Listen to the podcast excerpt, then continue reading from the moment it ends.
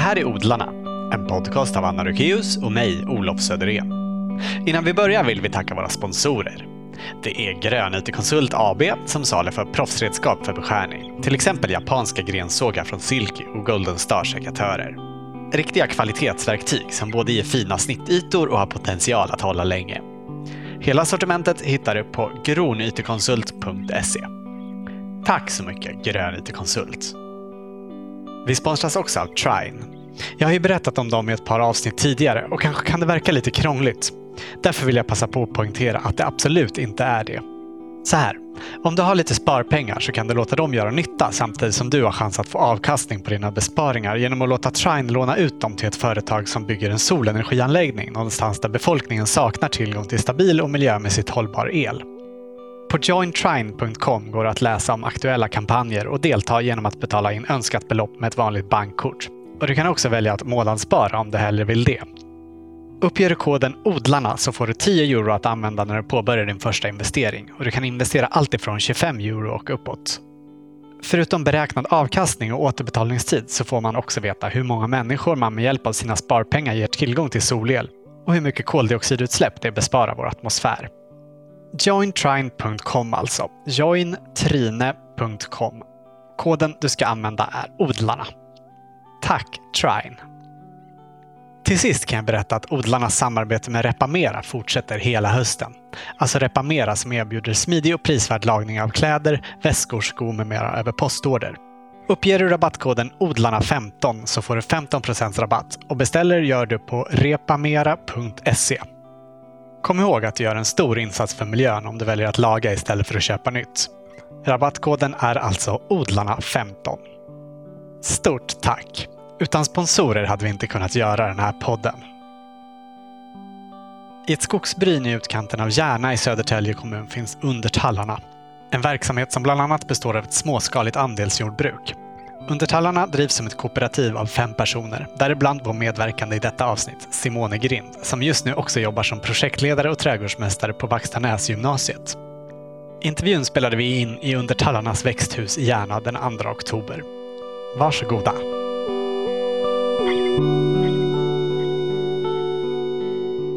Vill du börja med att berätta om den här platsen? Mm. Det här är Undertallarna som är en eh, trädgård och en eh, mötesplats strax utanför Järna. Där vi är eh, fem personer som eh, driver den som ett kooperativ. Och vi arrenderar mark från kommunen. 1,8 hektar. Så det är som ett litet skogsbryn. Lite sådär. Eh, staden möter landet. Stockholm möter landsbygden. Precis mittemellan. Hur stor del av den här ytan är det som ni odlar på? Alltså vi tycker att det är roligt att odla lite överallt. Så det är väldigt svårt att säga. Vi har ju liksom träd och buskar och, och så. Men eh, kanske 8000 kvadratmeter om man ska räkna även ja, men, perenna trädgårdar och rabatter och, och så. Direkt där ute i våran market garden så är det 1200 ungefär kvadratmeter. Ja. Bäddyta. Då, inga, då har jag räknat bort gångar och så. Okej, ja. Så det är väl den som är liksom vår huvudsakliga grönsaksodling. Det andra är mer sånt som vi tycker är roligt och för att vi tycker att det är en vacker plats när det växer lite ätbara saker överallt. Det, det blir en väldigt eh, mysig känsla just att det är lite, eh, vad ska man säga, dynamiskt. Ja, vi har ju behövt bygga det här utifrån varje individs lust. För annars hade vi inte varit här efter sex år fortfarande. Så det, det är så länge liksom ni har hållit på? Ja, vi har hållit på sedan 2012. Mm. Har du varit med ända sedan starten? Nej, jag kom 2013. Så då eh, var det några odlingslådor och eh, en väldigt eh, stark dröm som jag direkt kunde känna på, som lockade mig. Ni är fem stycken som, som sköter den här platsen. Mm. Ja, men precis. Eh, det är ju Robin som är trädgårdsmästare och eh, konstnär. Och sen är det Ossian som började sin bana som kock men är nu mer intresserad av att odla grönsaker och odla jord. Liksom. Och eh, sen är det Oskar som också är kock och ja, men, har drivit en bra restaurang här i området. Men också som är intresserad av det vilda och av eh, att ta hand om hela djuret och så. Eh, och sen är det Ruben som är konstnär och skriver böcker och skapar möten mellan människor. Och så du. Och sen är det jag som också brinner väldigt mycket för att skapa sådana här platser i världen Mm. och odla. Och hur hittade du hit? Ja, men eh, jag eh, kommer från Järna och var bara tillfälligt här. Du är uppvuxen här. Jag är uppvuxen i Järna men eh, har bott i Stockholm i tio år. Men sen var jag förbi här i Järna och så eh, samarbetade jag med en eh, vän som eh, höll på att lansera Omställning Järna.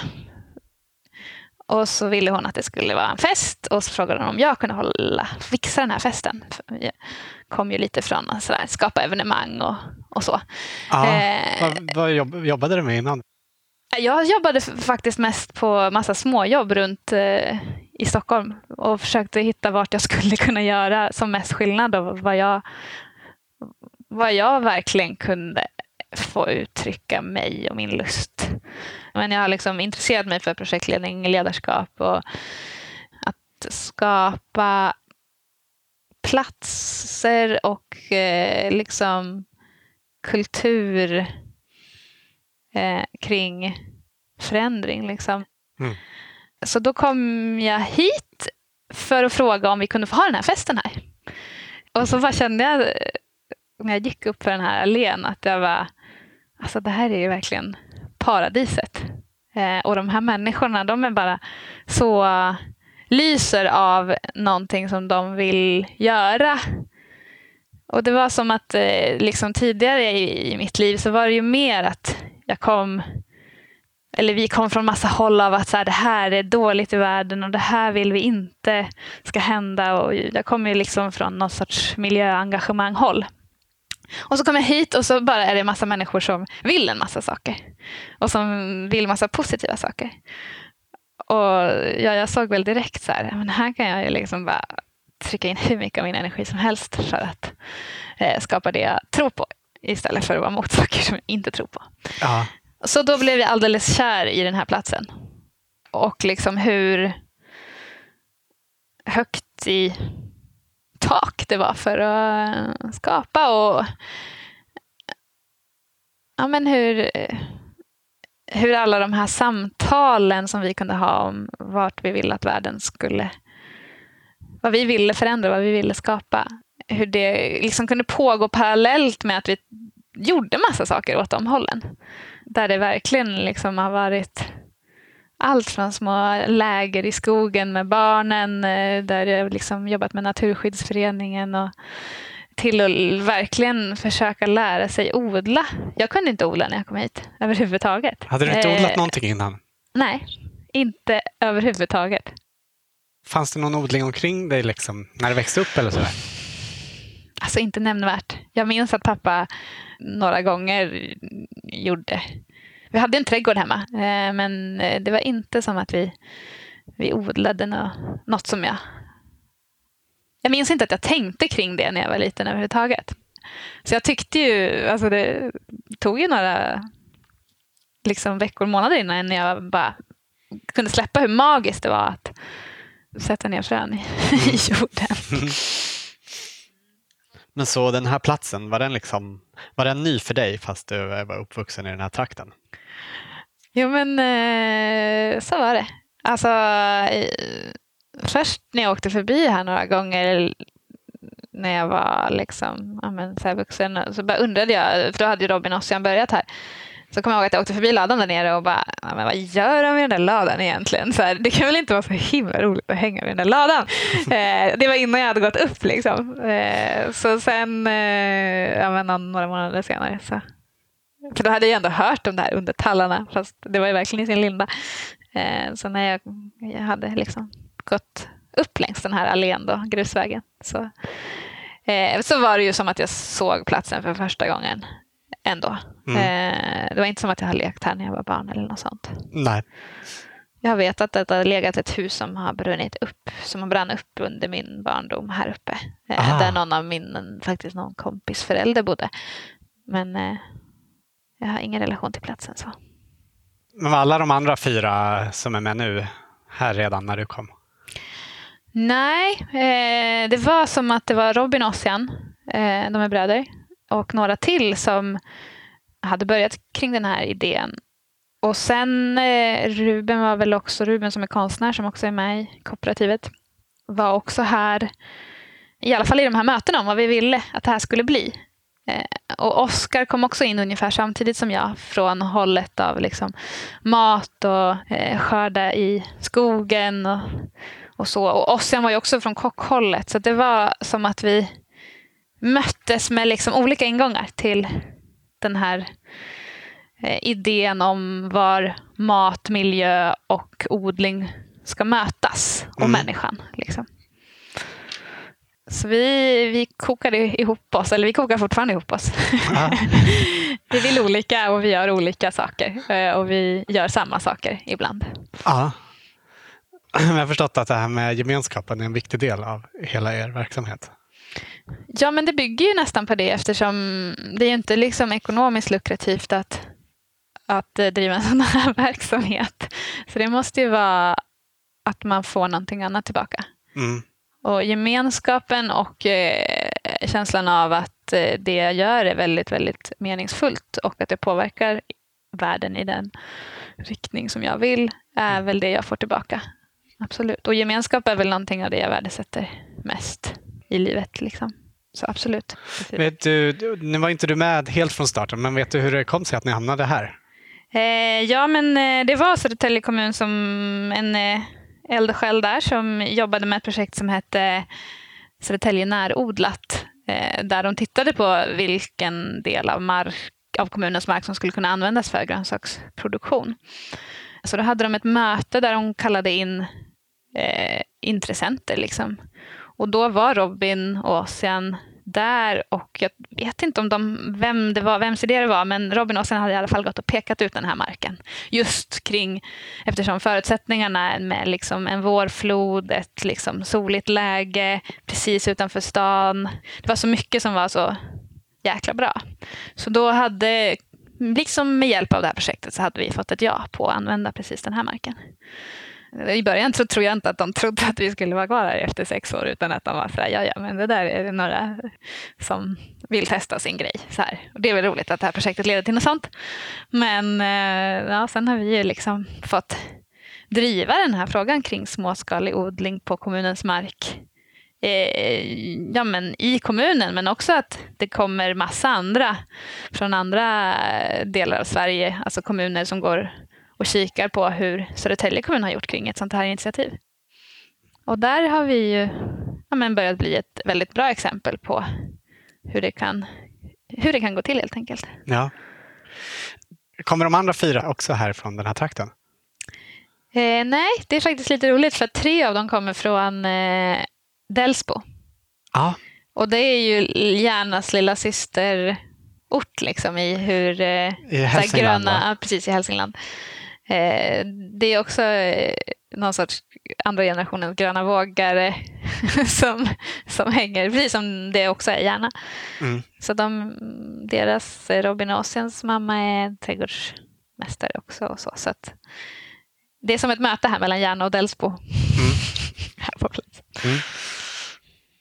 Du börjar ju berätta lite om platsen och vad som finns här, men eh, ska vi prata lite mer om hur det ser ut så att lyssnarna får en tydlig bild? Ja, nej men eh, det är ju ett, ett skogsbryn, en slänt liksom. Mm. Eh, kuperad mark. Eh, När vi kom gående så såg vi först bara en lada som står i, i kanten av skog, skogen ut mot Ja. vägen. Precis, med en ganska hårt trafikerad väg. Mm. Nej, men eh, så, det ser inte så mycket ut för, för första entrén. Men sen går man in, eh, så kommer man som en lite in i en dalgång och möts först av ett, eh, en perenn trädgård där vi har liksom varit inne lite grann på att göra en skogsträdgård. Den är typ 1500 kvadratmeter. Ja, och som är lite påbörjad. Ja, den är påbörjad med en del perenner och det kommer nog att utökas. Och sen har vi ett växthus som är liksom centralgestalten. Det är typ 130 kvadratmeter och det är ett sånt Vallapini-växthus så det är lite nedsänkt för att eh, dra nytta av den jordvärme eller den temperatur som är nere i marken också när det, Det är också... där vi sitter just nu. Ja, precis. Här sitter vi just nu. Och där, det har vi också ställt mot solen precis i vinkel så att eh, solen ska värma eh, när det är en kallare del av året och sen sk- skuggan då ska kyla när det är väldigt varmt. Så att det blir liksom ett, eh, ja, men ett tempererat klimat här inne av sig själv utifrån designen då som, Ja. som vi har gjort. Och Med en murad vägg mot norr som liksom buffrar värme antar jag. Precis, så här bak, i bakkant är det en eh, stenvägg med tegel och lera på. Och i framkant så är det bubbelplast och glas. Och den här plasten är ju väldigt eh, tålig så den räknar vi med. Även om den ser ut som vanlig bubbelplast ska hålla i 20 år i alla fall, om inte Ja. mer. Och den Ah, ja, det verkar ju är, hålla det är jättebra. inte vanlig bubbelplast. Det är inte vanlig. Nej. Eh, men ändå, ja, den är lite svår att få tag på faktiskt. Mm. Annars så skulle man ju rekommendera alla att använda den istället, för den är inte ens så mycket dyrare. Men den är typ tåligare än vanlig kanalplast då? Otroligt mycket som. tåligare. Ja. Det finns exempel, jag vet inte om vi kan prata om det här, men där de har liksom spänt upp den och kört över med en fyrhjuling för att visa hur tålig den är. Så att eh, den, är väl, den tål väldigt mycket vikt och väldigt mycket snö. Mm. Så, så att eh, den där ska Spännande. hålla. Och den, jag menar, vi har ju haft både snö och storm och allting.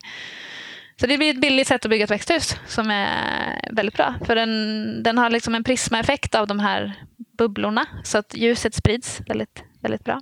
Och så har den en lite Precis, blir inte det där isolerande... skarpa som om man har ett klart glas. Liksom. Precis. Ehm, Vad heter den om någon är nyfiken på vad man... Eller har den något namn? Så? Eh, det heter kederplast. Eller vi kallar det för kederplast. Jag vet inte, plast. Jag vet inte om det är för att det, företaget heter Keder eller om plasten faktiskt heter det. Men man var tvungen att köpa, om det var 250 kvadratmeter eller någonting för att ens kunna importera. De hanterar liksom inte sådana små kunder som oss. Det här var något företag i Tyskland. Så vi Okej. har liksom importerat den och sen har vi sålt av. Mm. Eh, Men eh, någon borde göra business på det där. Men inte vi. Importera och stycka av i mindre bitar och Alltså, det är drömmen för en odlare att få köpa den där plasten istället för kanal och bubbelplast. Sen kommer den ju i färdiga bårder, liksom, eller vad man ska kalla det. Eh, längder. Ja, Så trär man bara in den i de här skidorna som ligger på läkten där. ja, Vilket gör att tyngden fördelas på hela sträckan. Den är liksom inte fasta punkter så. Nej. Det var lite tekniskt, men eh, det är en väldigt bra plast i alla fall. Ja, spännande.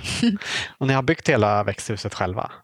Ja, växthuset har vi byggt helt och hållet från grunden. Och det, ingen av oss är ju byggare och det här är ju framförallt Ossian som har kämpat med det här Mm. genom att liksom, ja, men, fråga och titta på filmer och liksom pröva sig fram. Jag minns när han hade lagt hela den här stenmuren här i bakkant Mm. och sen började jag tänka på hur han skulle lägga liksom betongsocken ovanpå och bara, det här kommer inte gå, jag måste göra om den. Och sen så bara började han och så bara la han om hela. Jag var helt så här, alltså jag hade aldrig, jag hade gett upp. Jag hade bara gått hem och gråtit i en vecka Ja. efter att jag hade gjort en hel stenmur. Flyttat med sån här stor eh, metalltriangel där man med hjälp av spett och snören lägger en hel mur och sen kommer på att man ska göra den en gång till för att det blir bättre då. Ja. Det eh, beundrar jag. Det är väldigt härligt att vara här inne. Liksom pelare längs med, eh, alltså som stöttar upp nocken av trädstammar. Mm. Ja, men det här är de gamla almarna som eh, blev sjuka här uppe i slänten. Ah, Så har jättefint att de ju- inte ens är avkvistade, liksom, utan det sticker ut eh, kvistar och grenar från, från de här stammarna. Ja, men, alltså, det här är ju vårt vardagsrum. Vi använder det här rummet eh, som kontor ja, men, eh, och som om vi har en eh, konferens eller en kurs, eh, då sitter vi också här inne och sen är det ju viktigt att vi har det trevligt här på platsen. Så någon gång så har vi liksom haft någon fest och ja, men ni ser, där hänger en diskokula och Ja. lite fina lampor och, och så. Eh, så vi har ju, och ett litet kök har vi inne i växthuset. Mm. Och det, känns, eh, det här känns som mitt hem faktiskt. Mer Ja. än vad hemma gör. Aha, det är, men det är ingen av er som bor här på, på den här platsen? Nej, men man kan ju verkligen fråga sig vad bo är. Är det där man Mm. sover eller är det där man vistas? Mm. Vi vistas här, men vi sover då hemma. Är din sovplats här, här i närheten? Ja, precis. Nu bor jag i en lägenhet faktiskt här eh, bara mm, men, fem minuter bort med cykeln. Och det gör de flesta av oss. Mm. Ja, eh, tillbaks till platsen. Till platsen. Ja, men eh, vi har ju, eftersom vi väldigt gärna vill jobba med mat och eh, att liksom ta från jord till bord hela vägen och utbilda människor kring det så har vi ju byggt ett eh, utekök där vi kan hålla kurser och ta emot eh, företag och förskolor och allt möjligt. Eh, där vi har en stor pizzaugn och ja, men ett storköks eh, utrustat utekök. Och det är superhärligt. Ja, Eh, ja, där, om vi har en konsert eller någon annan typ av eh, social tillställning så lagar vi mat ifrån det också. Precis vid Örtagården, som nu är lite igenväxt. Men, ja. Eh, så där vill vi ju ta grönsaker direkt från odlingarna upp i uteköket och tillaga och visa hur det kan gå till. Liksom. Och det är också mycket det våra kurser handlar om. mm. Eh, ja, vad har vi mer? Sen har vi en market garden där vi har annuella och fasta bäddsystem. Liksom med 75 centimeters bäddar och 8 meter långa. Eh, flisegångarna och Mm. massa, massa kompost eh, för att odla. Just det, ni, ni täckodlar med kompost, alltså färdig nedbruten kompost. Ja, vi har en riktigt ruskig lerjord att börja med. Eh, och sen på det så har vi eh, lagt tjocka lager av eh, nedbruten kompost. Ja, Och det är ju väldigt tacksamt att odla i. Och på så sätt så ser vi att vi bygger jord uppifrån genom att stödja mikrolivet på olika sätt. mm. Så Finns det fördelar med att eh, täcka med färdig nedbruten kompost jämfört med att täcka med eh, liksom halm eller hö eller gräs eller vad man nu... Alltså att kompostera i bädden så att säga. Alltså, det, allt är ju så olika beroende på vad man har för förutsättningar eller kontext och så. Men um, vi har ju haft, eh, tidigare hade vi jättemycket problem med sniglar. Och vi märkte att eh, när vi täckodlade med halm och så, så det var ju liksom heaven för de här små sniglarna. Sen är det väl ganska krävande för jorden att eh, bryta ner så kolrikt material som liksom halm och så. Och vi vill ju verkligen mata mikrolivet. Så, så här, göra det till det bästa bästa för dem. Så att eh, då har vi ser absolut fördelar med det. Och sen direkt såg ju vi massa saker. Våra, många av våra bäddar har ju liksom tre kulturer, tre, fyra kulturer per säsong. Och jag vet inte, det, det, det är väldigt mycket lättare utan en massa eh, halm och eh, växtrester. Vi lämnar ju rötter och så, men allt annat plockar vi bort mellan varje anläggning. För vi vill att eh, rötter och så ska vara mat kvar till, till mikrolivet. Liksom. Men allt annat går via komposten. Allt annat går via komposten. Så det, ja, vi får väldigt, väldigt bra resultat. Väldigt mycket grönsaker. Vi kan sätta dem tätt och allt det mesta blir bra. Och, och så. så vi trivs ju väl bra med det här. Det är Mm. liksom andra året vi, vi gör på det här sättet. Ja. Och sen har ni flera ganska stora dammar också. Ja, det där är vår bevattningslösning. Eh, Så när vårfloden kommer genom här, den här dalen, då leder vi in det i de här dammarna. Mm. Från Och någon bäck typ? Det är precis. Ja. Det är ganska mycket vatten som passerar gården ändå, som, eh, som vi leder ner i dammarna. Nu har vi, förra året var ju jättetorrt, det var bevattningsförbud i kommunen och vi får ju vatten ändå, vi har egen brunn och vi är en verksamhet, men det var ändå väldigt, väldigt eh, ont om vatten, så då, vi har också en liten dricksvattenbrunn. Liksom. Eh, så då sköt vi upp allt vatten från den i dammarna också och det räckte knappt. Det här var förra året. Det Mm. här året så var det ju liksom, ja men då var det ju riktigt jävla torrt. Eh. Så vi, eh, ja men när det var typ 14 dagar kvar, det var någon gång i juli, så bara, nej men vad fan ska vi göra? Vi, vi har inget vatten kvar.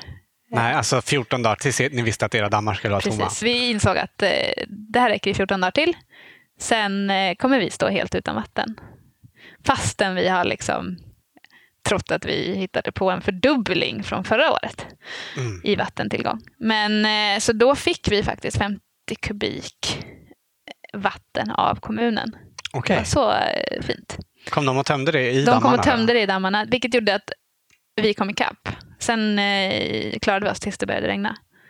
Så det alltså, vi behöver inte jättemycket mer än det vi har, men man inser ju också att vi går mot andra tider. Liksom. På den här Vaxta odling som jag också jobbar på, där har vi ju en sjö som vi har liksom kunnat ha på automatbevattning hela sommaren. Det var ju liksom en enorm skillnad. Då bara såg man hur liksom hela jord, odlar-Sverige delades upp mellan de som hade sjövatten och de som, de som inte har det. Eh, fick liksom typ lägga ner. Mm. Så ja, det beror ju på vad vi, vad vi... Vi trodde att vi hade en säker vattensituation här, men den är inte helt säker, Nej. märker vi. Mm. Ni har någonting spännande i dammarna som eh, hjälper er att eh, minska avdunstningen. Ja, precis. Vi har ju den här vattenväxten Asolla. En liten ormbunksväxt va? Ja, Sydöstasien är den väl från ursprungligen. Som är en av eh, världens mest snabbväxande växter faktiskt. Ja. Som kom hit eh, med hjälp av, eller det var ett konst och forskningsprojekt via KTH. Så den har vi där. Eh, nu hjälper den oss eh, mot avdunstning och eh, vi kan även skörda den för att kompostera den. Då får vi ett torvliknande kväverikt material att lägga i våra komposter. Mm. Den lägger sig som ett täcke uppe på vattenytan? Ja, den ser ut som en sån här grön och numera på hösten då lite röd golv. Sådär som det är på lekplatser. Men eh, den är ju som sagt eh, väldigt invasiv och eh, ganska nyligen så kom jag över en eh, rapport från Naturvårdsverket där det stod om dammväxter som man, in, som man inte helt enkelt får inneha eller sprida. Okej, är, den, är den med där? Den är med där.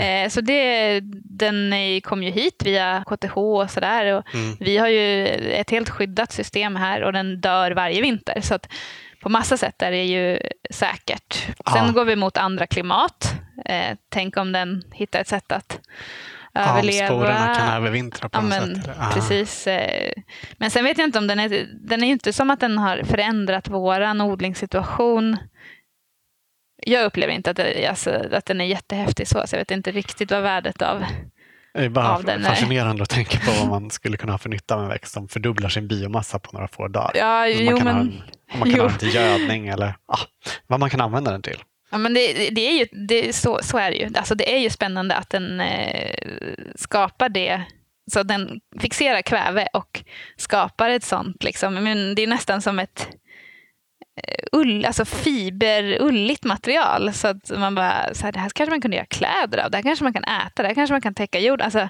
det måste ju binda kol också. Ja, det är hur mycket som helst som den har potential att... Det var ju därför konstnären intresserade sig för den, för att den har liksom potential. Har du smakat på den? Ja, den är inte så... I sig själv är den liksom eftersom den är så där trådig, vi kan gå ner och smaka på den sen. Mm. så är jag tycker mest att den är som att äta lite snöre. Mm, ja. Eh, men eh, han Erik Sjödin som tog hit den, han kan man för övrigt söka på om man vill eh, läsa The Asolla Cooking Book eller förstå mer, för han är ute och föreläser och pratar kring den här. Ah. så han gjorde någon rätt någon pannkaka och något bröd och så. Och jag menar, det var ju gott. Det är ju som ett eh, tillägg helt enkelt. Till, eh, det drygar ut mm. och eh, är sådär snabbväxande. Så det är ju ett väldigt bra sätt att dryga ut eftersom det växer så fort. Aha. Erik Sjödin. Erik Sjödin, ja. Men och hela det här, alltså alla de här sakerna som vi har pratat om har ni byggt upp på bara några få år egentligen? Ja, så mycket, så många delar i trädgården så det är svårt att fatta hur ni har hunnit sedan starten 2012. Ja, men eh, det, jag kan nästan förstå det utifrån, men jag eh, med tanke på hur mitt liv har sett ut de senaste åren och samma för ja, men, Robin Ossian så, så, eh, så förstår jag att det här har kunnat bli till. Men det här har varit vårt hem i, i fem år. Och det tror jag folk känner när de kommer hit också. Mm. Att det är omhändertaget och väldigt, väldigt, väldigt mycket kraft och kärlek intryckt i att det här ska bli våran dröm. Liksom. Mm. Alltså, de flesta gången man sätter igång och odlar så här, då, då kommer man ju till en infrastruktur någon, med massa byggnader och så vidare. Men eh, alltså när, vi, när vi kom hit så var det liksom ett igenvuxet skogsbryn och ett, ett bete där korna gick in liksom en bit in här på markerna. Alltså där, typ där ni har er, era grönsaksodlingar nu? Ja, typ där. Eh, och typ där den här dammen är, eh, den stora dammen är. Där, eh, så långt in gick korna och betade. Och annars var det bara igenvuxet och en gammal, gammal nedbrunnen husgrund. Och vi kom ju hit med liksom, ja, men, två spadar och någon liksom halvtrasig sekatör och bara nu, nu kör vi. Liksom. Så sen har det varit att eh, bygga en gård. Eh, vi har ju både sett det som en fördel och en nackdel att vi har fått bygga upp det precis så som vi behöver ha det. Men det, i början var det ju skitsvårt. Vi hade ju liksom inte ens ett utedass. Vi hade liksom en grop i skogen där uppe när vi hade jobbat långa dagar. Liksom. Så att, eh, ja, och nu har vi ett växthus och, och allting utan att vi har en massa lån på banken eller massa byggnader som behöver renoveras. Så att eh, det finns definitivt fördelar med det. Vi mm. behöver ju inte så mycket mer än det, det här växthuset för att driva upp och kunna laga mat och sen våra utedass och en packhall som är den här i och för sig gamla ladan. Men, men eh, det, det är ett roligt tankeexperiment faktiskt att så komma till en plats och bara undra hur det skulle vara om jag byggt upp hela min verksamhet på den här helt tomma platsen. För det var det vi gjorde. Och det var nog ingenting som vi egentligen fattade innan, utan vi började bara i någon ände. Och någon sorts vision och ganska mycket så här, men vi lever i nuet och det här är kul. Annars hade vi där de första dagarna typ tänkt på vad vi faktiskt behövde för att kunna driva en sån här verksamhet, då hade vi nog inte tagit oss hela vägen hit. Nej. Vi har ju bara så här dynamiskt och lustdrivet eh, gjort någonting vi tycker om och så har vi hamnat här nu. Mm. Men eh, det som är kul med det är väl att eh, jag hoppas att de, många av de som kommer hit förstår att de också bara kan börja någonstans. Det, är liksom, det behövs inte massa pengar, det behövs inte massa verktyg och massa kunskap heller för den delen. Utan eh, om man verkligen gör det som man tycker är roligt, då, då är det bara att börja och försöka snarare orient, hålla sig kvar på den lilla snåriga stigen av vad tycker jag om? För då kommer man ju dit, ditåt. Mm. ja, men en lada fanns som sagt mm. och eh, en byggnad till när ni kom hit. Vi har ett eh, riktigt riktigt litet gulligt 1800-talstorp där nere där vi, har kontor och en liten brasa och där vi hade vårt första lilla kök när vi Ja, vi fick det inte precis när vi började, men eh, året därefter typ. Mm. Och sen har vi en skateboardramp också precis utanför. det har ah. också varit en, någonting att diskutera. Men eh, det tycker vi är viktigt för att eh, den här platsen ska ju vara det, våran lekplats. Ja. Och eh, det är jätteroligt när det kommer ungdomar som ska skejta som sen plötsligt också så här, är uppe och dricker vatten i växthuset och liksom tycker att vi är coola och så kan vi prata om odling. Alltså, det är liksom en så jäkla fin ingång. Och så finns det en liten lekplats också för yngre barn. Ja, men eh, eftersom vi tycker så mycket om att vara här så måste ju de också tycka om att vara här. Eh, så Robin och, och sen och Ruben har ju barn. Eh, nu börjar de bli lite större. Det är bara Ossians lilla som, som leker i sandlådan fortfarande. Men eh, han, har ju liksom, han har ju växt upp här i den här trädgården. Han kan ju liksom han vet precis var man ska gå i trädgården. Han kan namnet på alla grönsaker och han eh, älskar att äta. Han kan liksom vara oh, jag vill ha en majro. Så man bara, nu har det här gått till. Ja, det är så fint. Så mm. att eh, barnen måste också ha sina platser. Annars vill inte de vara här och då kan inte vi vara här. Nej. Så är det ju. Eh, era grönsaksodlingar här, det driver ni som ett andelsjordbruk? Ja. Vill du berätta, vad, hur, hur ser modellen ut? Ja, men eh, det är ju ett sätt att försöka stödja bönderna eh, så att man delar risken mellan eh, konsument och producent. Så att eh, den som köper den betalar innan när eh, man som odlare har som mest investeringskostnader. Och sen så köper man liksom en share eller en andel. Och sen får man under hela säsongen beroende på hur det går i trädgården. Och det här är ju liksom ett, ett sätt som, eftersom det är ganska svårt att överleva ekonomiskt som odlare och för att knyta varje konsument närmare trädgården. Också för att kunna utbilda och kanske också för att eh, det, blir, det blir mindre svinn för att man lär sig ta hand om allt. Man utbildar varandra och det är mindre förpackning. Och, alltså det är väldigt många bättre sätt. Och den allra största skillnaden är ju att vi som producenter får Eh, betalt för vårt jobb. Vilket mm. du ju inte får om du försöker sälja dina grönsaker via en grossist eller en butik. Du har ju Nej, det är inte en chans att eh, få ut något som är värt om du ska producera så här småskaligt och miljömedvetet. Alltså då, ska du kunna leva på grönsaksproduktion och sälja till grossist, då måste du ju gå upp i någon skala som alltså, svårare att få miljömässigt försvarbar, tänker mm. jag. Men så om det blir ett riktigt eh, dåligt år och ingenting riktigt växer, då blir det mindre till, till eh, kunderna fast att de redan har betalt för sin del i skörden kan man säga.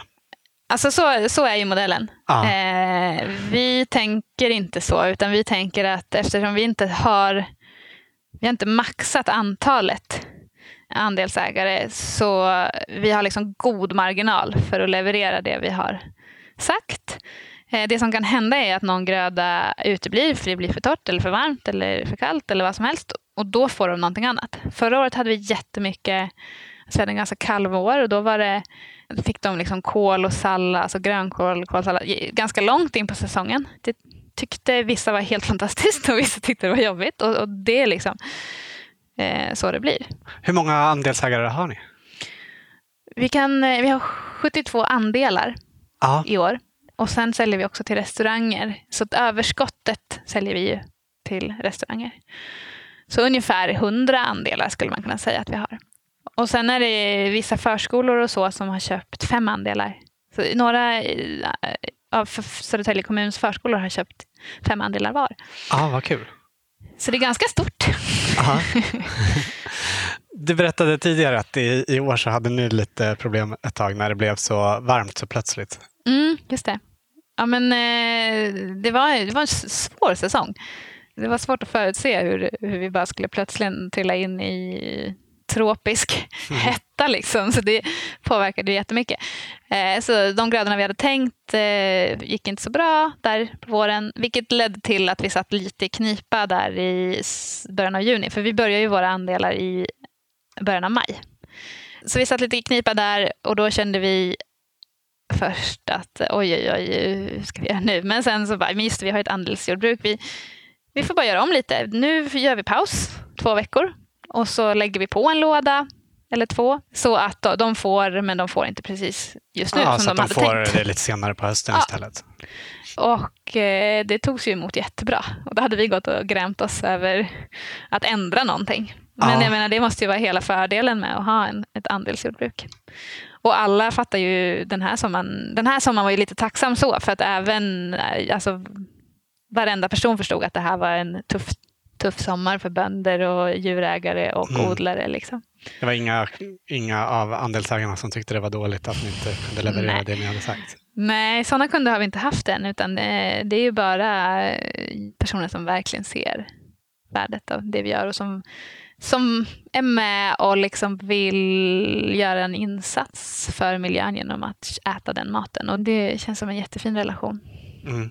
Jag hoppas att de förstår hur, hur viktigt och bra det är, det de väljer. Liksom. Ja. Och det är ju någonting att utbilda konsumenten i, i hela tiden. Mm, det är ju ganska stor skillnad mot så som jag antar att väldigt många gör, att man går och köper samma tre grönsaker året runt. Ja. Ja, det kräver ju eh, verkligen ett engagemang. Så här, för de vet ju inte vad de får innan. Nej. De, har, de kan få ett litet hum. Vi kan ju skicka liksom våran andelsplanering i början av året, men sen går det som det går. Så det, ja, det är roligt att, att se hur de liksom Majrova, det trodde jag aldrig jag skulle gilla. Men det här är ju jättegott. Mm. Och så började de äta det liksom. Men är andelsägarna med eh, engagerade i själva odlingen på något sätt? Alltså flera av dem är ju våra vänner och de är ju engagerade här på olika sätt. Antingen genom att bara komma hit och jobba ordentligt någon dag eller hjälpa till på någon skördefest eller så. Men vi har inget sånt krav att man behöver vara med och odla för att eh, få vara andelsägare. Men möjligheten finns. Vi har ju öppna arbetsdagar två dagar i veckan på våren. De är supervälbesökta, kanske inte bara av våra andelsägare utan av alla möjliga. Och sen har vi skördefest och sen har vi haft någon så här kom och förädla med oss och häng med oss i trädgården och lite sådana saker. Så att eh, vi vill ju gärna knyta dem nära. Liksom. Eh, för ja, vi ser väl det som ett utbildningsprojekt också. Att, att de ska förstå.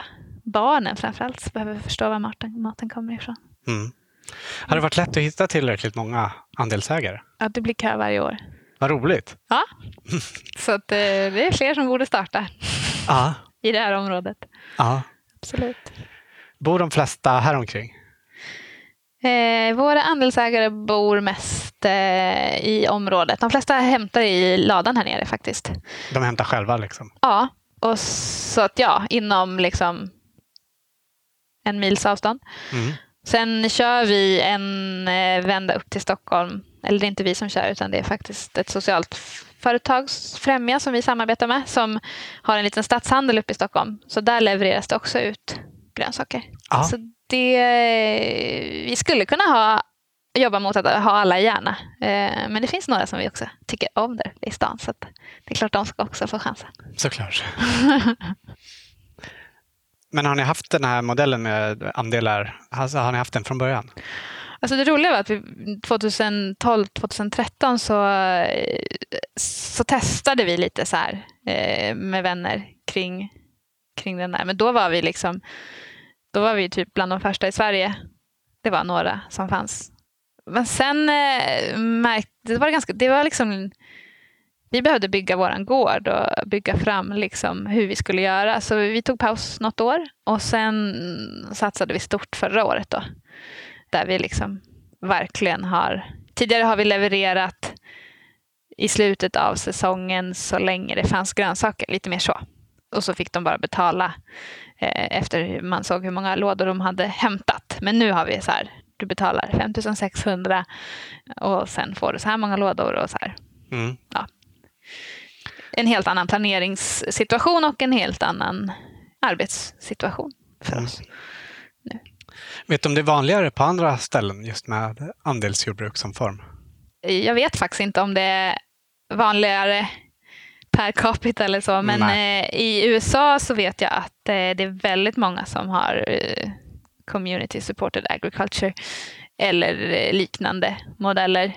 Men eh, det är ju mest för att jag får väldigt mycket information därifrån. Men eh, jag tror modellen från början är liksom typ Japan och Tyskland som liksom har, har jobbat fram den här. Så det finns över hela världen. Mm. Och Sverige är väl liksom vi håller ju just på att utforska hur vi ska odla massa grönsaker i det här klimatet på det här sättet. Liksom. Så det är lite nytt. Men det är som en helt ny rörelse nu som, av unga människor som bara vill det här. Ja. Eh, och som försöker på olika sätt ja, men, överleva på att odla. Och det tycker jag, jag tycker det är väldigt spännande med den, när man går upp från att bara odla för sig själv till att så här, ja, men kan, vi, kan vi göra det här som en del av, våran, av vårt liv? Så. Eh, och det vill jag liksom supporta och skapa förutsättningar för. Mm. Som det är nu så har du ett annat jobb också, som, eh, med en annan odling. Mm, precis. Jag jobbar ju som trädgårdsmästare. Eller jag blev intagen som projektledare för att anlägga en liknande trädgård som vi har här på en gymnasieskola, Vackstanäsgymnasiet, som vill eh, odla mer av sin egen mat. Mm. Eh, det är ett Leader-projekt som pågår ett år. Så jag ska, jag ska vara där i ett år och eh, odla grönsaker till skolan och utforska modellen kring hur man använder mark om en skola äger mark eh, och vill odla Kör, kör med traktorn här ute. Jag vet inte om det hörs in i mikrofonen. Det hör till miljön. Ja, nu kommer komposten här. Men den lämnar Får ni det nu. från någon, någon bonde här i närheten? Ja, eh, det är faktiskt från eh, granngården här borta, Nibble Ah, varför vill de inte ha sin kompost själva? Jag tror att det är för att vi har tjatat så mycket. de vill nog ha en del av, eller de, de har nog lite överskott tror jag. Eller så är det för att vi har tjatat så mycket. Kan man ha för mycket kompost? Nej, det kan man väl inte. Men eh, de, han är också nyfiken på hur, eh, hur man kan jobba med det här. Eh, vi har haft något samarbete där vi har gett honom liksom strö och biokol och så har han haft det i sina bäddar och så har vi fått tillbaka det och sådär. Så vi forskar lite på egen basis om hur man skapar en bra kompost. Mm. Och det är vi väldigt tacksamma för. Förlåt, ja, du pratade om, om skolan. Vaxta. Ja, Eh, Vaxta Vaxta odling heter projektet. Och Ah, det är ligger det här i närheten? Ja, det ligger eh, strax utanför Södertälje. Vaxanäs gymnasium. De har en trädgårdsmästarlinje. Och sen har de lite andra, de, kock och bagare och, och så. Så att de, eh, ja men det är lite tillbaka till det där hantverket liksom. Kring Ja. mat och så. Eh, så där är jag eh, odlare helt enkelt. Och projektledare. Och det är jättespännande det här projektet med dem. Ja, roligt. Men, eh, men liksom, finns det någon tanke att ni allihop ska jobba helt och hållet i den här verksamheten? Ja, alltså jag, jag hamnade där för att jag kände att det var värdefullt att eh, göra någonting på sidan av också. Och för att jag brinner så mycket för de, de frågorna. Så när, när skolan liksom hade resurser för att, med hjälp av Leader då, hade resurser för att forska lite i det här market garden och småskaligheten så, så kändes det som att det var en del av min röda tråd i vad jag tycker är viktigt. Men mitt mål är väl eller, nu ska jag jobba här i två år bara på Under tallarna. Ja, För att eh, vi har ett projekt som vi ska jobba med i två år. vad är det för projekt? Men det är att fortsätta utveckla mötesplatsen Under tallarna. Där vi vill odla Väldigt kort sagt skulle jag säga att det är att vi ska odla odlare. Och Mm. odla, odla odlingsförutsättningar.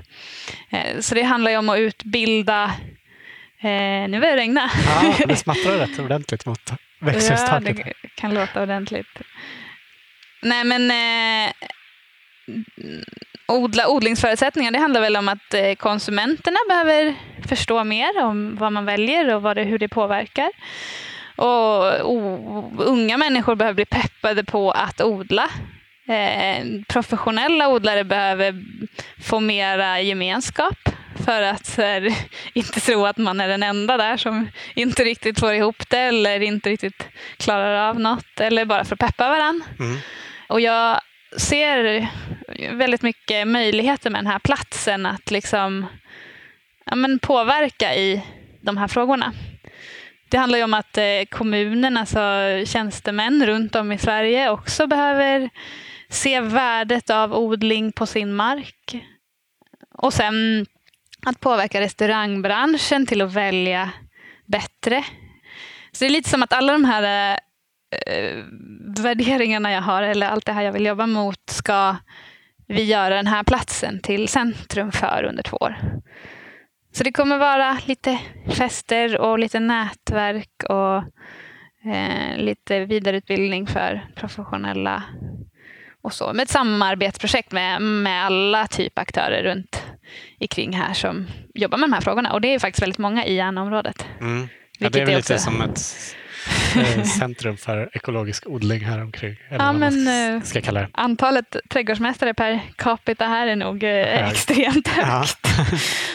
Eh, Skillebyholm finns ju inte så långt härifrån. Mm, precis, ju, utbildar ju trädgårdsmästare både två år i ett yrkeshögskola och eh, komvux nivå. Så det, det leder ju till att det är eh, väldigt härligt att odla i den här trakten för att det kommer massa inspirerade människor kring odling och som vill liksom börja och som vill hitta vidare på olika sätt. Och praktikanter och ja, men så här, innovationen kring odling är jättespännande i det här området, tycker jag. Också för att den får liksom möta mat, eh, matproduktion och restaurangbranschen och ja. allt det som också är ganska utvecklat här.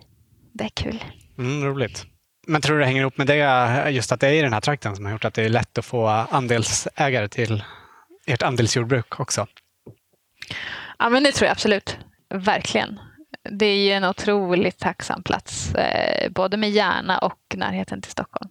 Mm. Skulle vi inte fylla Järna så fyller vi ju i Stockholm alla gånger. Det är ju, hela Stockholm ska ju få sin mat producerad någonstans också och det är ju liksom i de här gränszonerna som det behöver ske. Och sen finns det massa andra fördelar med att ha varit i den här trakten. Att liksom verkligen kunna, att folk förstår vad man gör, att eh, man kan låna grejer, folk vill komma och bidra med sin kompetens på massa olika sätt. Så att eh, jag, eh, ja, men, eh, jag är väldigt glad för det. Jag skulle nog inte vilja jobba helt i motvind på någon, någonstans långt ifrån ute Nej. på landet. Så jag tror eh, närhet till eh, liksom, konsumenterna är viktigt eh, om man vill göra ett andelsjordbruk. Mm. Tror att du är präglad av att ha vuxit upp i den här trakten? Ja, men det, det, det är ju faktiskt verkligen. Jag har ju du kan se nu i efterhand att det är en viktig del att du återvänder. Absolut. Det är inte, ja, men kärleken och intresset för naturen och för liksom lusten och kreativiteten och att eh, leva sitt liv eh, utifrån det man tycker är meningsfullt. Det har ju verkligen kommit, delvis faktiskt från att jag har gått på Waldorfskola här ute och eh, ja, men, typ fått lära mig att göra, ja, men, lev ditt liv så som eh, utefter vad du tror på. Kör! och sen ligger liksom skolan ute i skogen och vi har alltid varit ute och lekt väldigt mycket och eh, försökt, eh, även då på, under skoltiden så försökte ju skolan leva ut efter sina värderingar kring miljö och hållbarhet på olika sätt. Och det, det plockade jag absolut med mig. Också från mina föräldrar såklart. Var de också intresserade av eh, miljö och natur, hållbarhet? Ja men eh, absolut. Jag är liksom ätit i den mån ekologiskt från dag ett. Liksom. Och ja, ni kan ju tänka er på slutet av 80-talet hur, hur lätt det var att få tag i eh, allting ekologiskt. Det såg helt annorlunda mm. ut då. Så, att, så är det ju. Och sen eh, ja, men, köra mindre bil och liksom hållbara relationer. och eh, ta hand om sin plats och sin jord. Det har, det har varit genomgående hela min uppväxt. Så det är väl där framför allt som det kommer. Nu får jag leva ut det. Mm. Men eh, är det liksom eh, jobbet här under tallarna som har varit din odlarskola? För, för du sa att du inte hade odlat när du kom hit. Nej, precis. Jag har ju varit med och odlat här i fem, sex år. Eh, jag har läst småskalig ekologisk odling. Det var liksom en folkhögskolekurs. Mm. Sen hoppade jag på någon utbildning och så, kring odling så kände jag att så här, det här gick alldeles för sakta och det var för mycket liksom, sköta gräsmattor och eh, mm. lära mig blommor. Ja. Så då hoppade jag av. För jag ville bara lära mig odla grönsaker. Eh, så för mig är det liksom någon sorts här, frihetskamp och miljögrej. Liksom, och det är det jag vill lära mig. Så då åkte jag till Ridgedale permakultur i Värmland och tog en sån permakultur designcertifiering. Typ. Och sen har jag bara kört på här. Så jag är liksom, jag är ju inte en plant eller växtproffs, men jag kan ju odla i det här systemet och jag driver väldigt gärna frågorna kring att sådana här odlingar ska bli till på massa olika platser. För att jag ser det som liksom så jävla viktigt. Och sen älskar jag ju att vara där ute och när jag har en dag när jag bara ska ska vara i odlingarna så är jag, är jag lycklig också. Det blir liksom rekreation från att driva frågan. Liksom. Mm. Tror du att ni i framtiden skulle kunna försörja er enbart på odlingarna här? Mitt, eh, min dröm är inte att bara vara eh, odlare. Min dröm är verkligen att driva de här frågorna.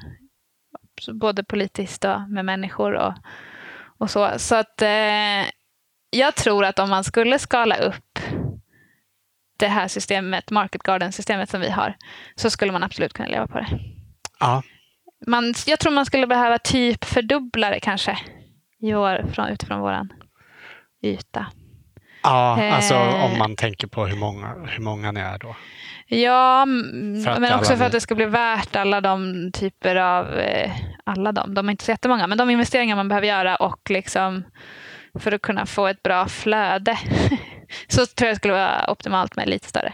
Men det är så jävla svårt på den här platsen att eh, räkna på timmar nedlagda eftersom vi driver liksom en social mötesplats och en park och en odling och en evenemangsverksamhet. Så att eh, jag skulle kunna säga att det är en och en halv heltid där ute men det är så grovt höftat så att jag vet inte. Nej. Men jag, alltså intensiteten där ute tyder ju på att man skulle kunna leva på det.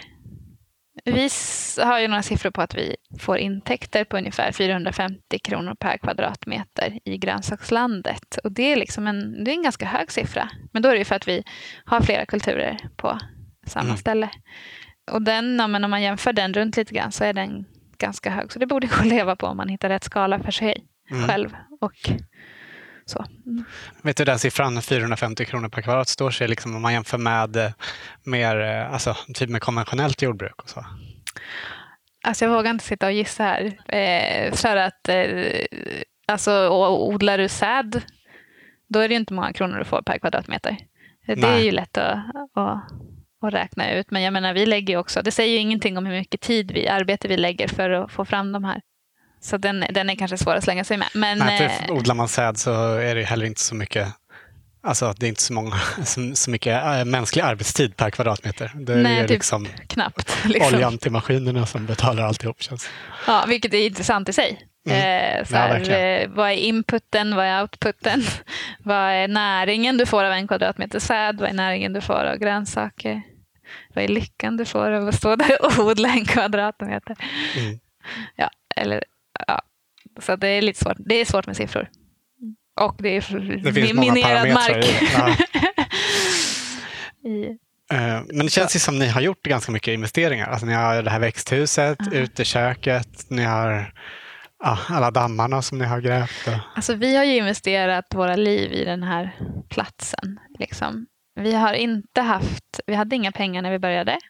Och vi har liksom inte fått några bidrag eller investeringsstöd eller någonting för att dra igång. Utan vi har jobbat och sen har vi ja, men jobbat utanför och tagit in pengar här och tid här.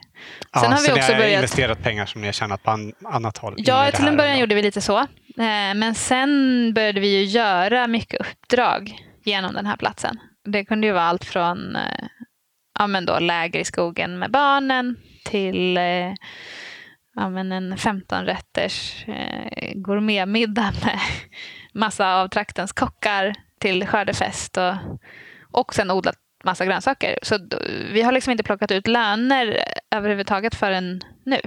Nej, Så då finns det en del pengar att investera.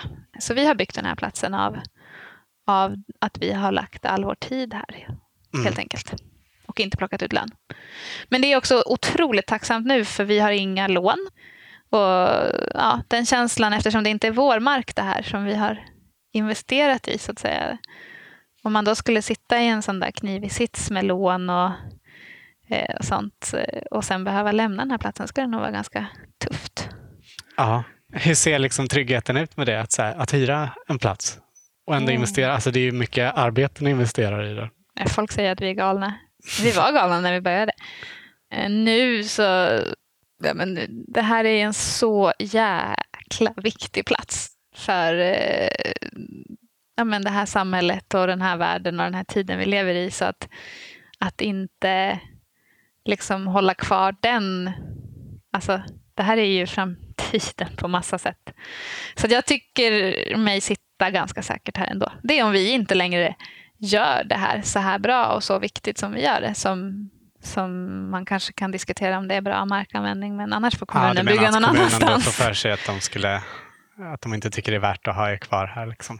Ja, eller det enda som skulle kunna få bort oss. Vi har ju ett femårigt kontrakt, men det är ju liksom, det är ganska, det är ganska säkert i arrenderättssituationen. Liksom. Men om de skulle få för sig att de vill bygga bostäder här så tror jag att de också förstår att det finns väldigt många andra platser som man börjar bygga på innan man tar bort en eh, matförsörj alltså lokal matförsörjning och en mötesplats och ekosystemtjänster och allt det här som en sån här plats erbjuder.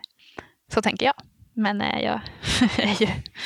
Man vet aldrig säkert om kommunen tänker samma. Kanske. Nej, precis. Men, Hoppas det. Jag vill tro på det goda. Mm.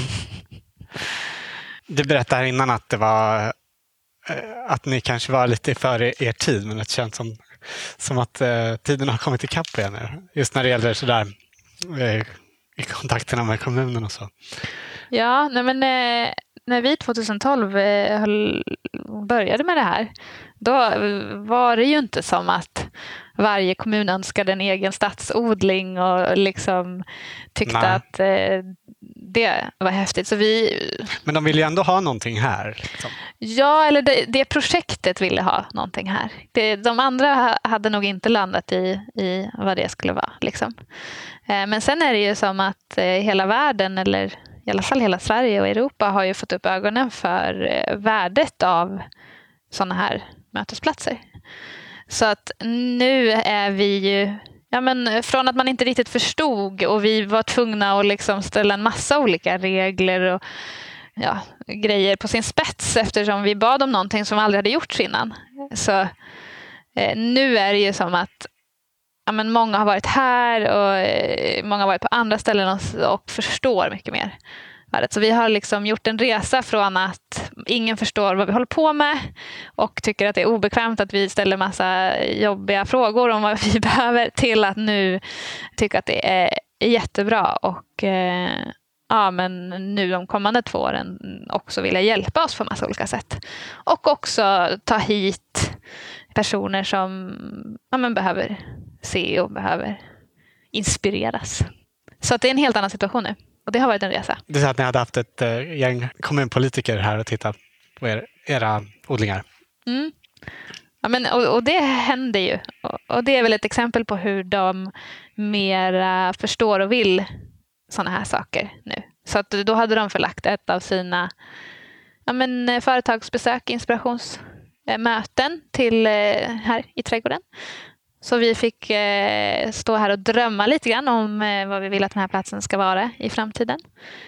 Och sen vad det leder till konkret, det, det vet vi ju inte, men vi planterar ju massa frön och eh, det, de får en massa förståelse kring vår verksamhet som sen när ja, men olika behov uppstår kan de också vet värdet av, så att säga.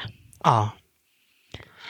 Och det, ja, men, eh, det, jag, jag brinner för, för de här sakta påtryckningen av eh, ja, men, eh, reglerna, regelverken kring att göra sådana här saker. Så det har också lett till att eh, kommunen har tagit fram en eh, odlingsstrategi för Södertälje kommun där de på olika sätt har tänkt igenom hur de kan gynna eh, olika typer av odling i kommunen. Och att det blir liksom en strategi som ligger över alla kontor över alla delar av kommunen. Och det är hur häftigt som helst. Det borde alla andra kommuner också göra. Ja. Eh, hur, hur, märker ni av det? Alltså, vad, får, vad får ni ut av det? Ja, men eh, det får vi väl se, men eh, det kan ju vara kring frågor som ja, men växthus eller inte. Alltså att få bygga, att få utveckla, att få att bara ha någon eh, som man kan ha en dialog om sin odlingssituation med inne på kommunen är ju en jätteskillnad från att bollas mellan olika kontors olika viljor. Liksom. Sen har de också en del eh, investeringsmedel för att få igång odlingen i kommunen. Det kanske inte huvudsakligen kommer gynna oss, eller så gör det det. Men det leder också till att en massa andra initiativ kring odling kommer igång i området. Till exempel så ska, eh, har de nu resurser för att titta på kolonilotter i området. Och, alltså anlägga nya kolonilotter? Mm. Ja, eh, de är intresserade av att det ska finnas en jordbruksinkubatorplats i området där man liksom, just nu är det ju ganska svårt att ta sig från skolan och sen ut i att odla grönsaker. Eller liksom, det, ofta börjar folk jobba med parkskötsel eller någonting när de har utbildat sig till trädgårdsmästare. Men det här att liksom starta ett eget företag och faktiskt producera mat. Det kan behövas en liten eh, liksom, trygg situation kring det. Så att då kanske man kan få lite mark med lite infra infrastruktur och någon mentor för att komma igång med sin verksamhet för att sen flytta den vidare. Så att det kan bli som en sluss som vi också varit intresserade av att ha här i anslutning till oss. Så att, så att man helt enkelt eh, odlar odlare. Mm. odlar matproducenter. Du har ju varit inne flera gånger på att eh, ni är noga med att odla på ett hållbart sätt. Men ni är inte ekologiskt certifierade? Nej, eh, det känns eh, dyrt och omständigt och onödigt eh, i vår situation. Eftersom vi har så...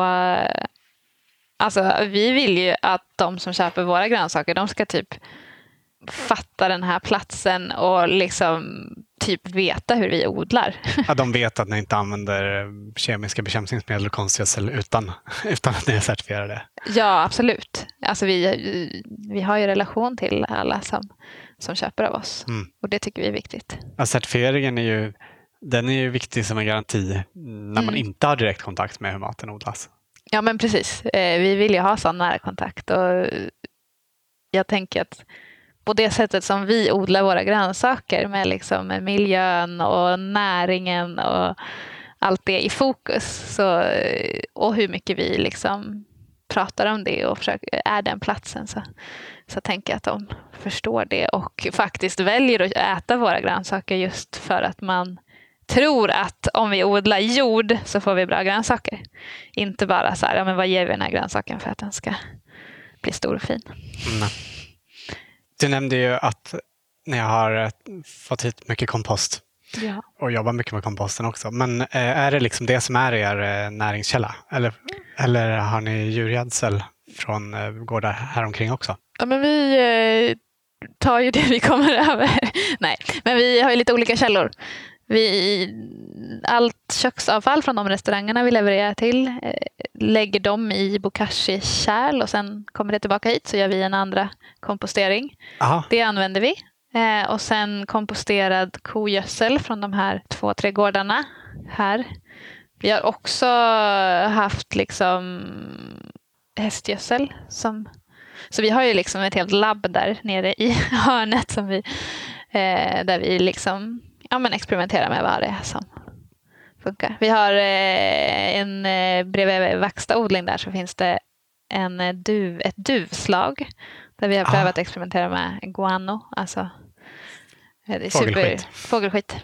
Superkväverikt. Ah. Kan man lägga med det i komposteringar och så vidare. Så att eh, vi försöker med de källor vi har att eh, bygga en så varierad och bra kompost som möjligt. Ah. Där ute i själva grönsaksodlingen, kör, ni någon sorts växelbruk? Vi är noggranna med kolväxterna. Alltså vi har egentligen en, eh, vi hade en tanke från början om en åttaårig växtföljd på Market Garden trädgården. Men eh, det vi har varit noggranna med nu eftersom vi har så liksom två, tre, fyra eh, omgångar per bädd. Det är svårare att planera. Det är riktigt svårt att planera. Det är mm. liksom hela skillnaden mellan att liksom lyckas eller misslyckas, att göra en bra planering. Men då försöker vi vara noggrann med kolväxterna. Men eftersom vi jobbar så mycket med mikrolivet och vi har så många olika grödor efter varann så inbillar vi oss att vi ja, men att eh, jorden klarar ganska mycket. Vi jobbar ju också med liksom kompostteer och olika typer av stödjande. Och eh, på flera bäddar så samodlar vi också. Så att vi kan köra flera grödor tillsammans. Liksom det tänker vi också är bra för det. Ni, eh, ni odlar ju som sagt precis här i skogsbrynet. Är det inte, finns det inga problem med att det kommer massa vilt, rådjur eller harar, vildsvin eller något? Det är väldigt intressant för vi är ju ett otroligt vildsvinstätt område. Eh, vi ligger som sagt ah. precis i skogsbrynet och vi har inga staket. Och jag kan faktiskt inte svara på vad det är som gör att vi inte har problem med dem. Eh, om Nej, det, ni har, ni har inte vi har inte problem. Vi har liksom men vi har några rådjur eller något vildsvin som liksom hoppar igenom trädgården då och då, men någon större skada har de liksom aldrig gjort under alla de här åren. Nej. Och det är väldigt, väldigt underligt. Men jag tänker, min egen teori om det här är väl att eh, det är för att vi är här liksom från morgon till kväll och för att vi liksom kissar i skogsbrynet så att det Eh, men det är väl liksom mycket mänsklig aktivitet som eh, håller Mm. viltet borta. De kanske skräms av den där kisslukten. Ja, precis. Alltså man känner ju inte den när man kommer gående. Men, Ja, men de, det- de är ju, precis, de är ju känsliga nosar. Det kan ju vara så. Mm. Det kan ju också vara en teori. Så jag vet faktiskt inte, men vi har inte problem med det och det är bara att, att vara glad för det. Mm. Slippa investera i det, men det är förr eller senare så. Jag tänker fortfarande att det är bara en tidsfråga innan de kommer att ställa till det ordentligt. Aha. Men eh, Ja, man får hålla tummarna. Mm. Det känns som en väldig risk liksom, när, när att ni har hela, hela er odling och, och nej, men jag tänker på det där tänk ibland. bara bökar upp allt på en natt. det, så det är verkligen en stor risk. Ibland tänker jag att vi måste göra någonting åt det. Och sen ibland tänker jag att det kommer inte... Ja, men eh, vi är ju nästan här varje dag. Eh, Så är, de kommer inte hinna göra så mycket skada innan. Men vem vet? Det är en risk som vi helt enkelt får ta för vi har inte pengar. Nej, det måste ju vara en rätt stor investering Det är en att stängsla in allt också. Nu kommer nog Robin upp med traktorn tror jag. Från Ah. eh, att ha packat grönsaker. Ja, är det lådor som ska ut till andelsägarna? Imorgon ska lådor ut till andelsägarna. Så att, eh, nu har de igår och idag. Men jag måste säga att det där låter inte som våran traktor riktigt. Är det fel, fel motor? Eller så är det. Skitsamma. Ja. Ja, ni har en traktor, men ni, ni gör i princip allt för hand ute i odlingarna? Vi gör allt för hand. Eh, Vi har våran bredgrepp. eh, Och lite olika liksom, ja, men, eh, kratta och en speciell kärra och så. Och det är liksom, vi behöver inget annat verktyg. Vi använder traktorn för att flytta grönsaker när vi har liksom skördat väldigt mycket. För att flytta grönsaker från odlingarna ner till vår packstation. Och det var faktiskt bara för att vi fick en traktor. Eh, som vi, annars hade vi säkert kört dem på skrindor eller någonting.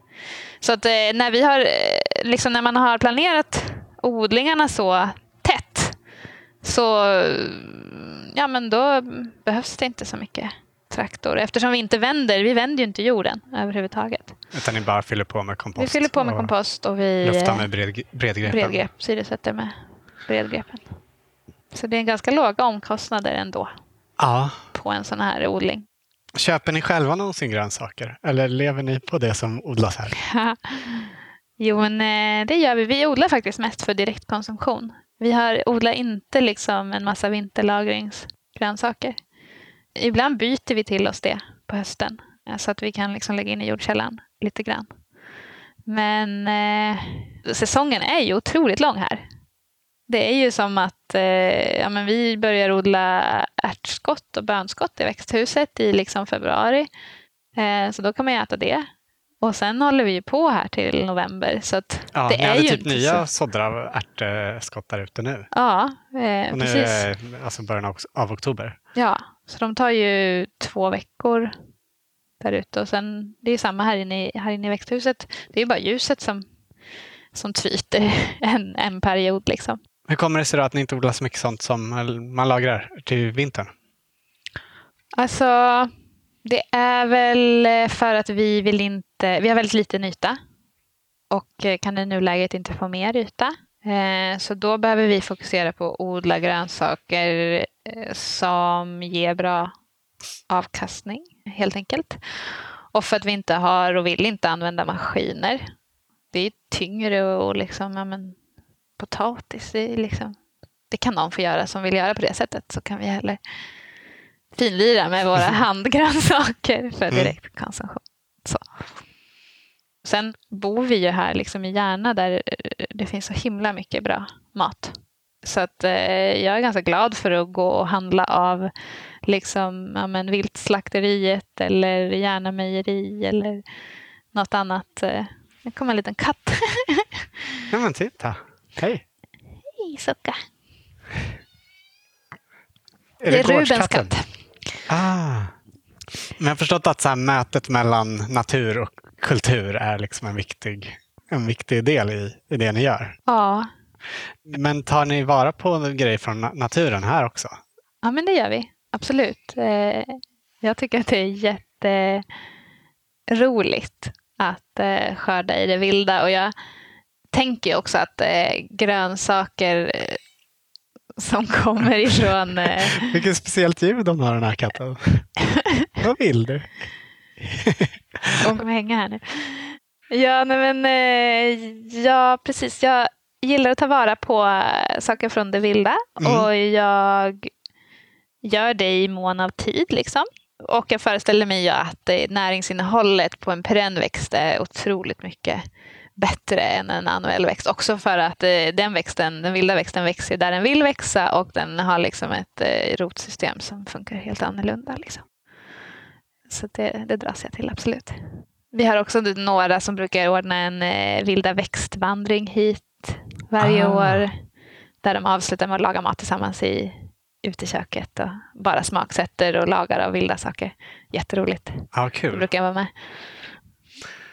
Du sa att ni har eh, arrendeavtal på fem år, men eh, vi läste någonstans att ni drömmer om att ha en, bo, en, en gård där, där man också kan bo. Kommer ja. ni bli kvar här eller är målet att flytta vidare? Alltså det där är så svårt att svara på. För vi, ja, men vi drömmer ju såklart om att bo i våra odlingar. Liksom. Den, eh, så är det ju. Så det beror liksom på hur situationen kring den här platsen utvecklas. Eller om det bara plötsligt dyker upp den här drömsituationen där vi kan få var, utveckla den här verksamheten. För vi vill ju göra det vi gör här. Och vi vill bo på en sån här plats. Så att det är liksom lite en balansgång mellan att leta efter någonting eller eh, bara trivas här liksom, eh, och se vad, hur den här platsen utvecklas. Men ibland tänker jag att eh, någon kommer ju bara så här, tycka att det vi gör är så jävla viktigt och kanske hjälpa oss att möjliggöra det på något sätt. Jag hoppas på det. vad skulle du säga att det gör med dig som person att få jobba så här? Wow. Um, det är en stor fråga. Men jag älskar ju att vara ute. Alltså, jag lever ju hela mitt liv utomhus. Det är helt ljuvligt. Och det gör mig liksom mindre stressad. Mm. Jag kommer ihåg eh, sådär tidigare när jag bodde i stan hur man liksom, om det räckte med att det var fint väder så att man skulle vara så stressad över att vara inne. och ja, men nu bara, nu får jag vara ute och jag får röra mig och, och jag får liksom vara bland växter och i, liksom, i naturen och i ekosystemet hela tiden. Och ja, men Det kan jag känna mig väldigt rörd över. Och de här små stunderna man får när man bara sätter sig ner någonstans och, och känner att ja, men på den här platsen den här platsen kan jag bry mig om.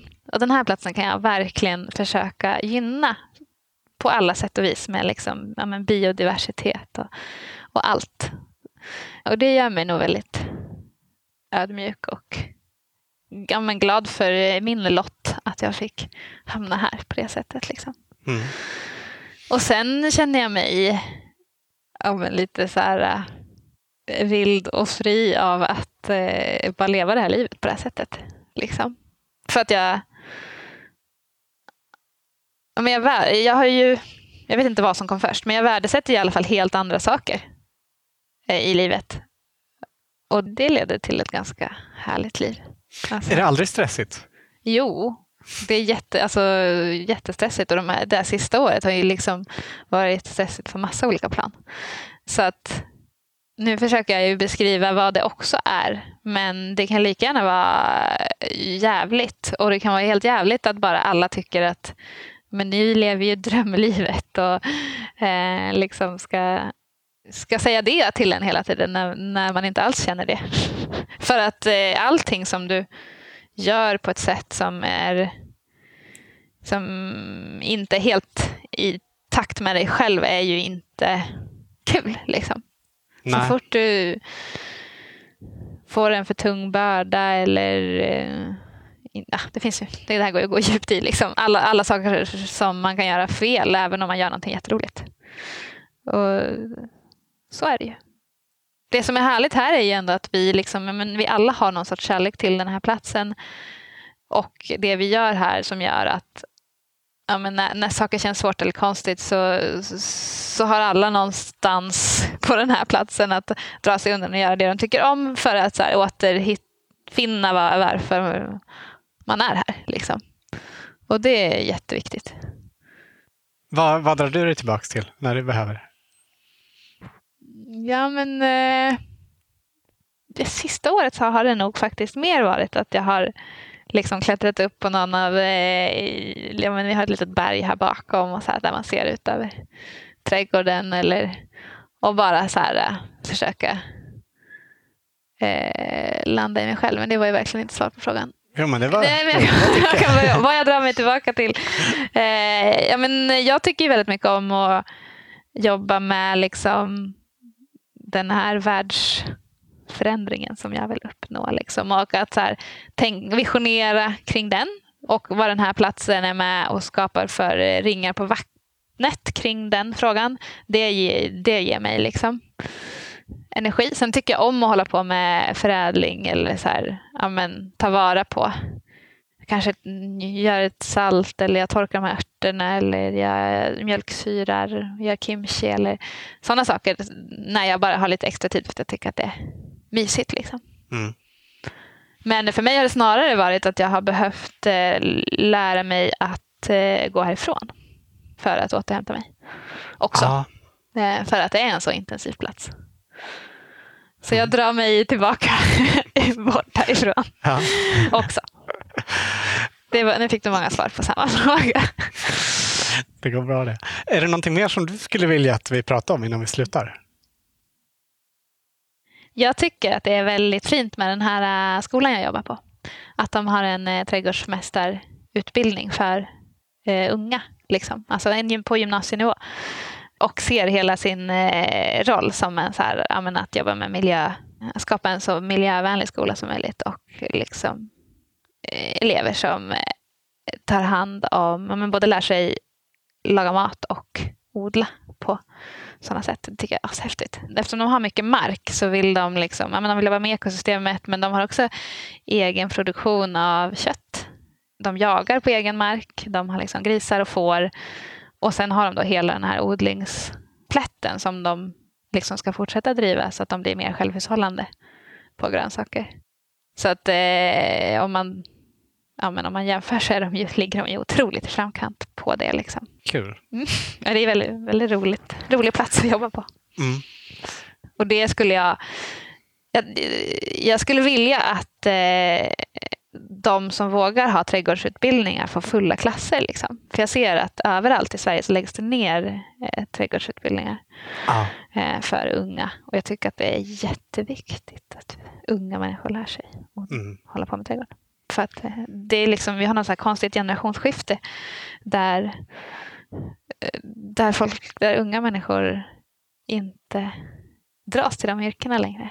Det känns ju däremot som att ganska många kanske lockas av det ja, men, tio år senare eller precis. 15 år senare. Så det är liksom lite motsägelsefullt, för så är det ju. Hit kommer ju jättemycket människor som på olika sätt har börjat ifrågasätta eller så här, vill byta bana eller tänka om eller leva det goda livet. Liksom. Ja. Eh, så det kanske bara är fel ålder. kanske. Men den här utbildningen på Vaxa, är den, är den, vet du, är den populär?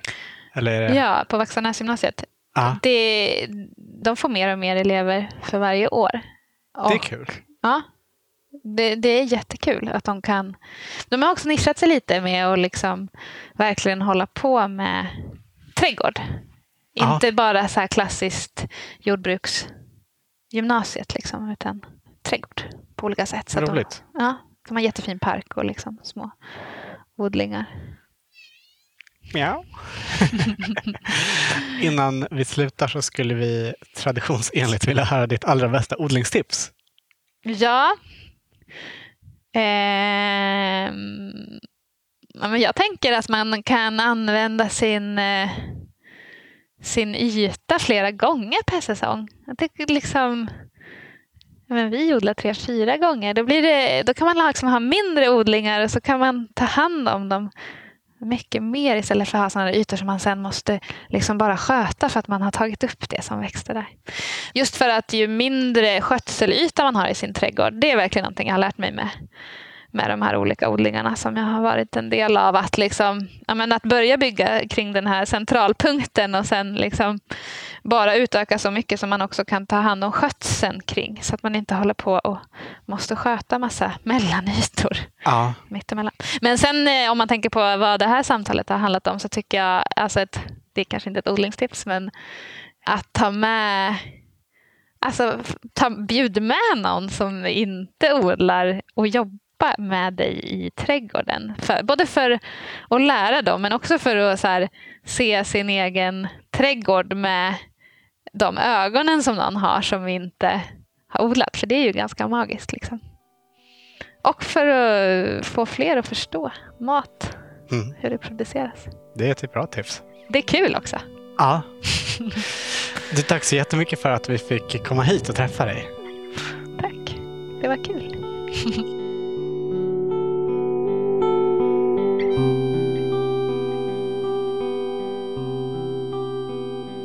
Du har hört Simone Grind i Odlarna. Vill du läsa mer om Undertallarna så finns deras webbsida på undertallarna.se. Och den som vill kan även följa deras arbete på Facebook och Instagram.